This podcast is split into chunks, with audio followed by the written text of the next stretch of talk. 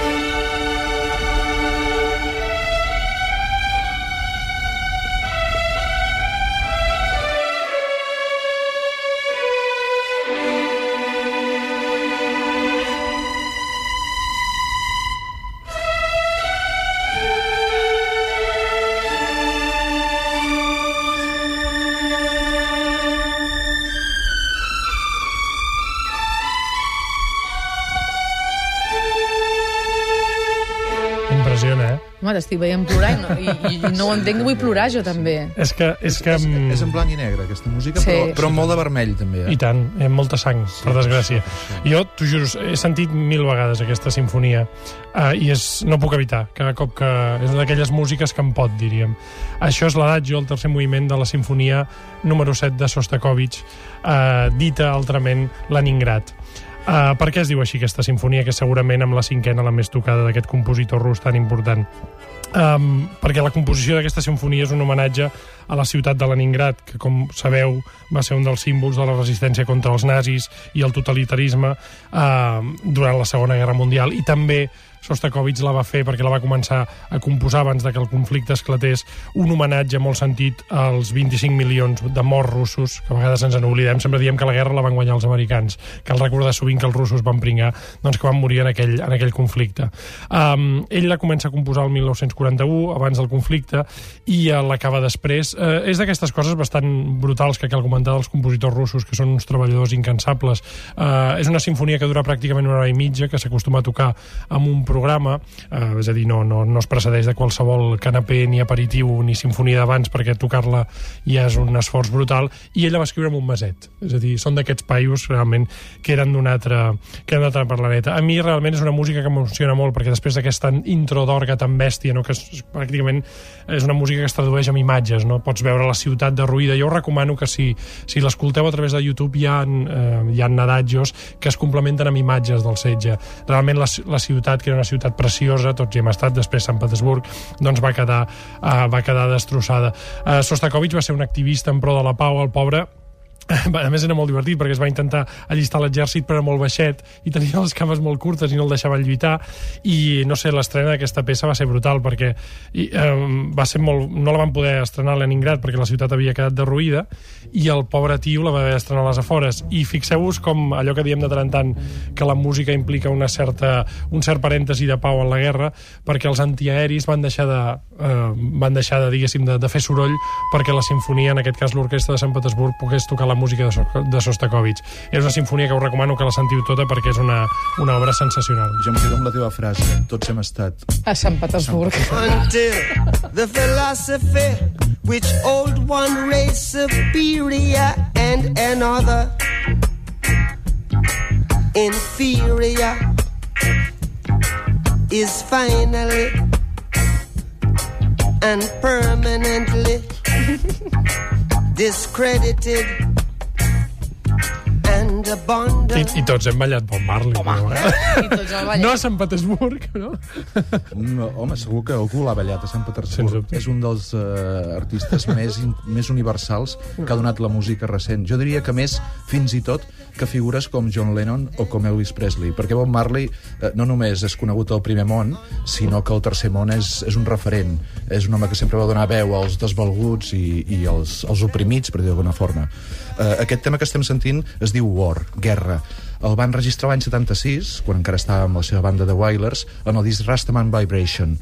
Eh, és molt curiós perquè és un tema molt simple, eh, no, no, no és, eh, diguéssim, una composició seva, tot i que és una composició de dos acords, no? És, eh, podria ser de qualsevol, podríem dir. El valor segurament està en el text. Eh, és l'adaptació d'un discurs que va fer el, el president d'Etiòpia, Haile Selassie, davant de l'Assemblea de les Nacions Unides el 1963. Un discurs que, que deia això, fins que la filosofia deixi de fer una raça superior a les altres, hi haurà guerra. Fins que no hi hagi per més temps ciutadans de primera i de segona classe, Gerard, hi haurà guerra. però digue'ns-ho cantant, això, no?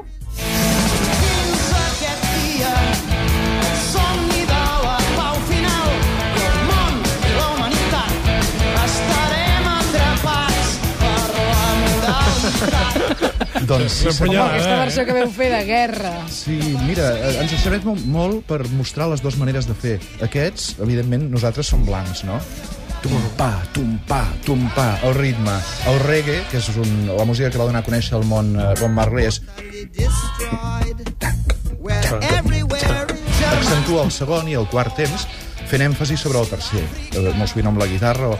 A- Aquesta manera de girar eh, va fer inconfusible Bob Marley. Fins i tot diríem que va anar tan enllà que els mateixos jamaicans deien que allò no era reggae ni era música negra, que estava fent música de blancs. Eh, ell, recordem que van registrar eh, la seva música eh, amb, la, diguéssim, la majoria de les seves cançons i els seus discs més, més famosos i més compromesos amb un segell anglès. I a partir d'aquí doncs, va, va donar llum a moltes coses i va conviure aquesta influència que, que, ell, que ell va exercir eh, fins a la seva mort el 81 eh, amb, amb l'explosió del punk també a Europa, no? Eh, aleshores van crear aliacions tan estranyes eh, a partir del reggae i el punk, per exemple, com els mateixos de Police. Tu això, ho estàs explicant, és molt interessant, però m'obliga a mi a fer-te una pregunta que no vols que et faci, però que et faré, i és, sonarà Sí, aquest guerra. guerra en el segon concert de Sopa de Cabra? Que no en el primer. No, el primer, Primer no ens interessa. El primer és igual. El segon sonarà... Pot ser que soni guerra en el segon concert de Sopa de Cabra? Mm, tot pot ser a la vinya del senyor, no? Diuen? I el Palau Sant fent Jordi... servir una frase, fent servir una frase bíblica que, que, que el, el Bob Marley eh, tenia moltes referències bíbliques. De fet, era un rastafari. Sí, sí, I amb tot aquest Sí, sí. sincretisme religiós Va, eh, que precisament feien a Haile Selassie, Ja, sí, sí, l'autor sí, d'aquest molt text, eh, el, el consideraven la reencarnació de Déu a la Terra, el rei de reis, el lleó de Judà. Mm -hmm. Segon concert? Doncs, si tingués alguna cosa a dir-vos, us ho diria, de veritat. Però no és tan senzill. Eh, Continuarem la setmana que Estem ve. més al cicle, no? Doncs jo diria que sí. Estem en un 80% sí, 20% no? Uh, estem amb una pluja constant que ens fa observar entre, entre la cortina Calla, d'aigua. calla, calla. Santiso, posa'm una altra cançó.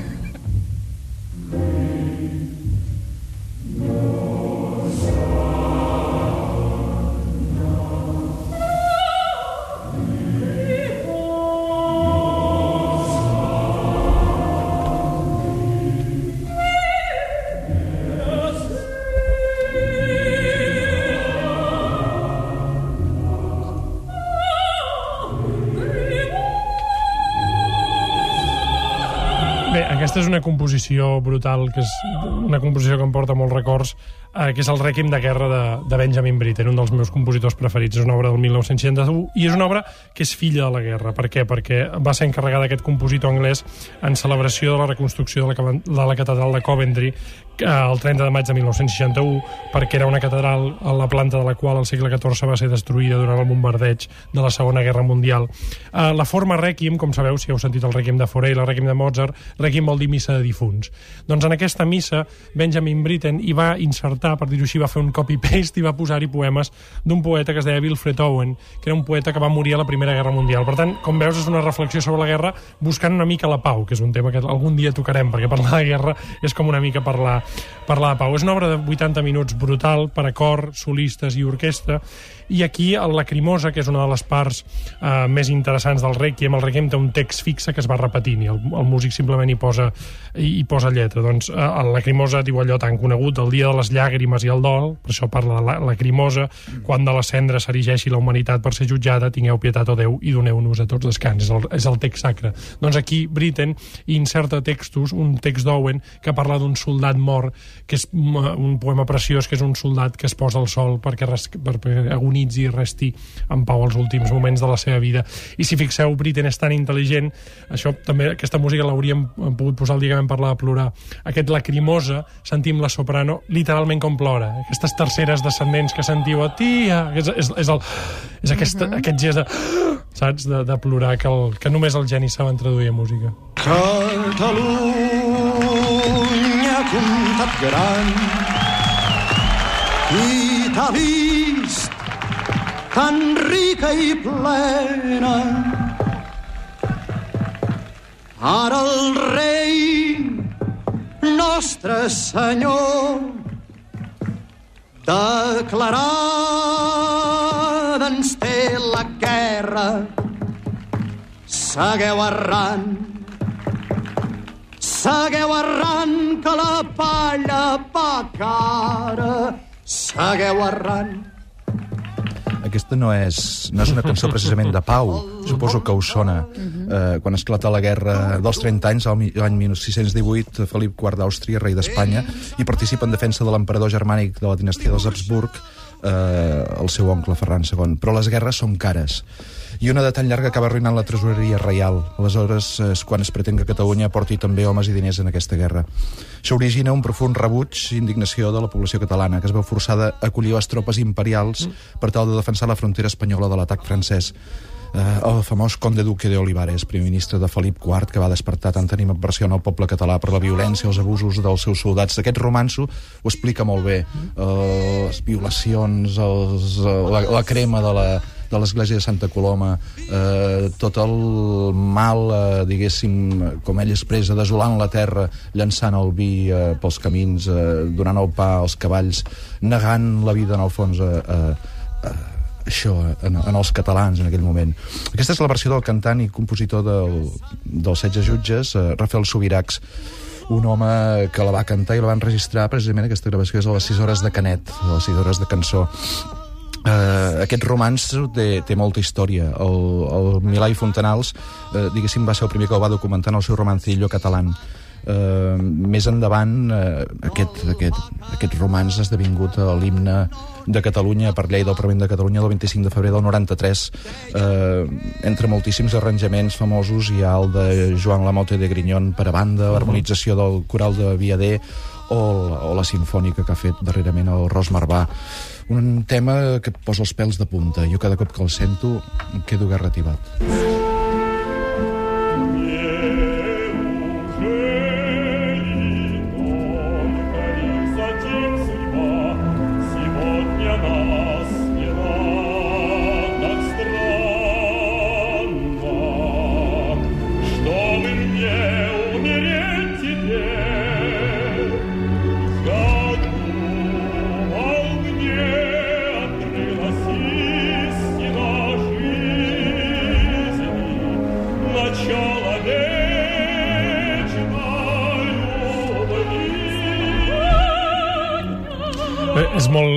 Escoltar aquesta música mentre veiem ploure aquí l'estudi, perquè el mal temps gairebé s'associa a Rússia, no cal ser, diguéssim, eh, Pushkin per saber que aquests senyors estan cantant en rus.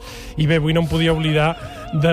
Sí, que, voleu que us Avui digui? va fort, eh? Sí, avui és que m'he... Avui, com anem a dinar tots junts, ha començat ja a, sem Sí, a, a sembrar, eh? sí, Llaurar sí, coses, ja. M'he llevat bé, ui, què vols que et digui? sí, sí. Uh, què anava a dir, això? No em desconcentreu. Que tothom sabia que això era rus Sí, això era, occidental. això era rus occidental del sud eh, i aquesta és una gran òpera que es diu Per Guerra i Pau eh, basada en un text de Tolstoi eh, una òpera que parla de la invenció francesa invasió francesa dels, eh, de Rússia i que està escrita per un geni que es deia Prokofiev. És una òpera molt interessant la veureu representada poquíssimes vegades per això us l'he posat, perquè és una òpera que té pràcticament com 20 solistes protagonistes un cor molt important, com acostuma a passar a l'òpera russa i aquesta és la, el que estem sentint és una escena brutal que és la mort d'un dels terratinents russos, el príncep Andrei just abans de que entri Napoleó amb l'exèrcit francès. És una obra molt influenciada per la guerra que els russos van veure com una picadeta d'ull que feia Prokofiev eh, parlant de la invasió dels alemanys en aquells moments a Rússia, durant també de la Segona Guerra Mundial. Si us hi fixeu, els tres compositors que he parlat, per comptes de fer música espectacular de guerra, en, eh, fan música més aviat lírica. Eh, parlen més aviat del trauma que els produeix la guerra i no pas de l'espectacularitat en si de la guerra. Tot això ens hauria de donar molt que pensar. I ho farà, i ho farà.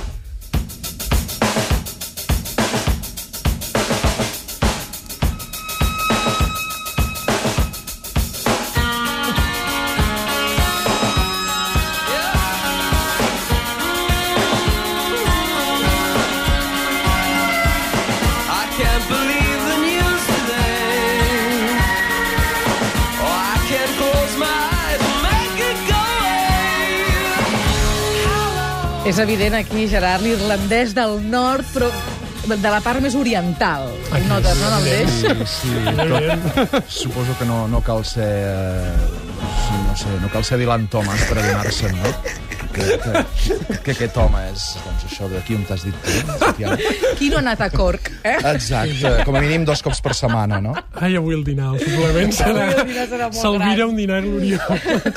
Això que sentíem fa un moment, que no sé on t'ha anat a parar, és el diumenge sagnant dels dos, que evoca els fets que es van produir el 30 de gener del 72, quan dos regiments de l'exèrcit britànic va obrir foc contra una manifestació eh, pacífica d'Erri, la ciutat més catòlica d'Irlanda del Nord, i que va fer esclatar de nou el conflicte de l'Ulster en una guerra que va durar 30 anys.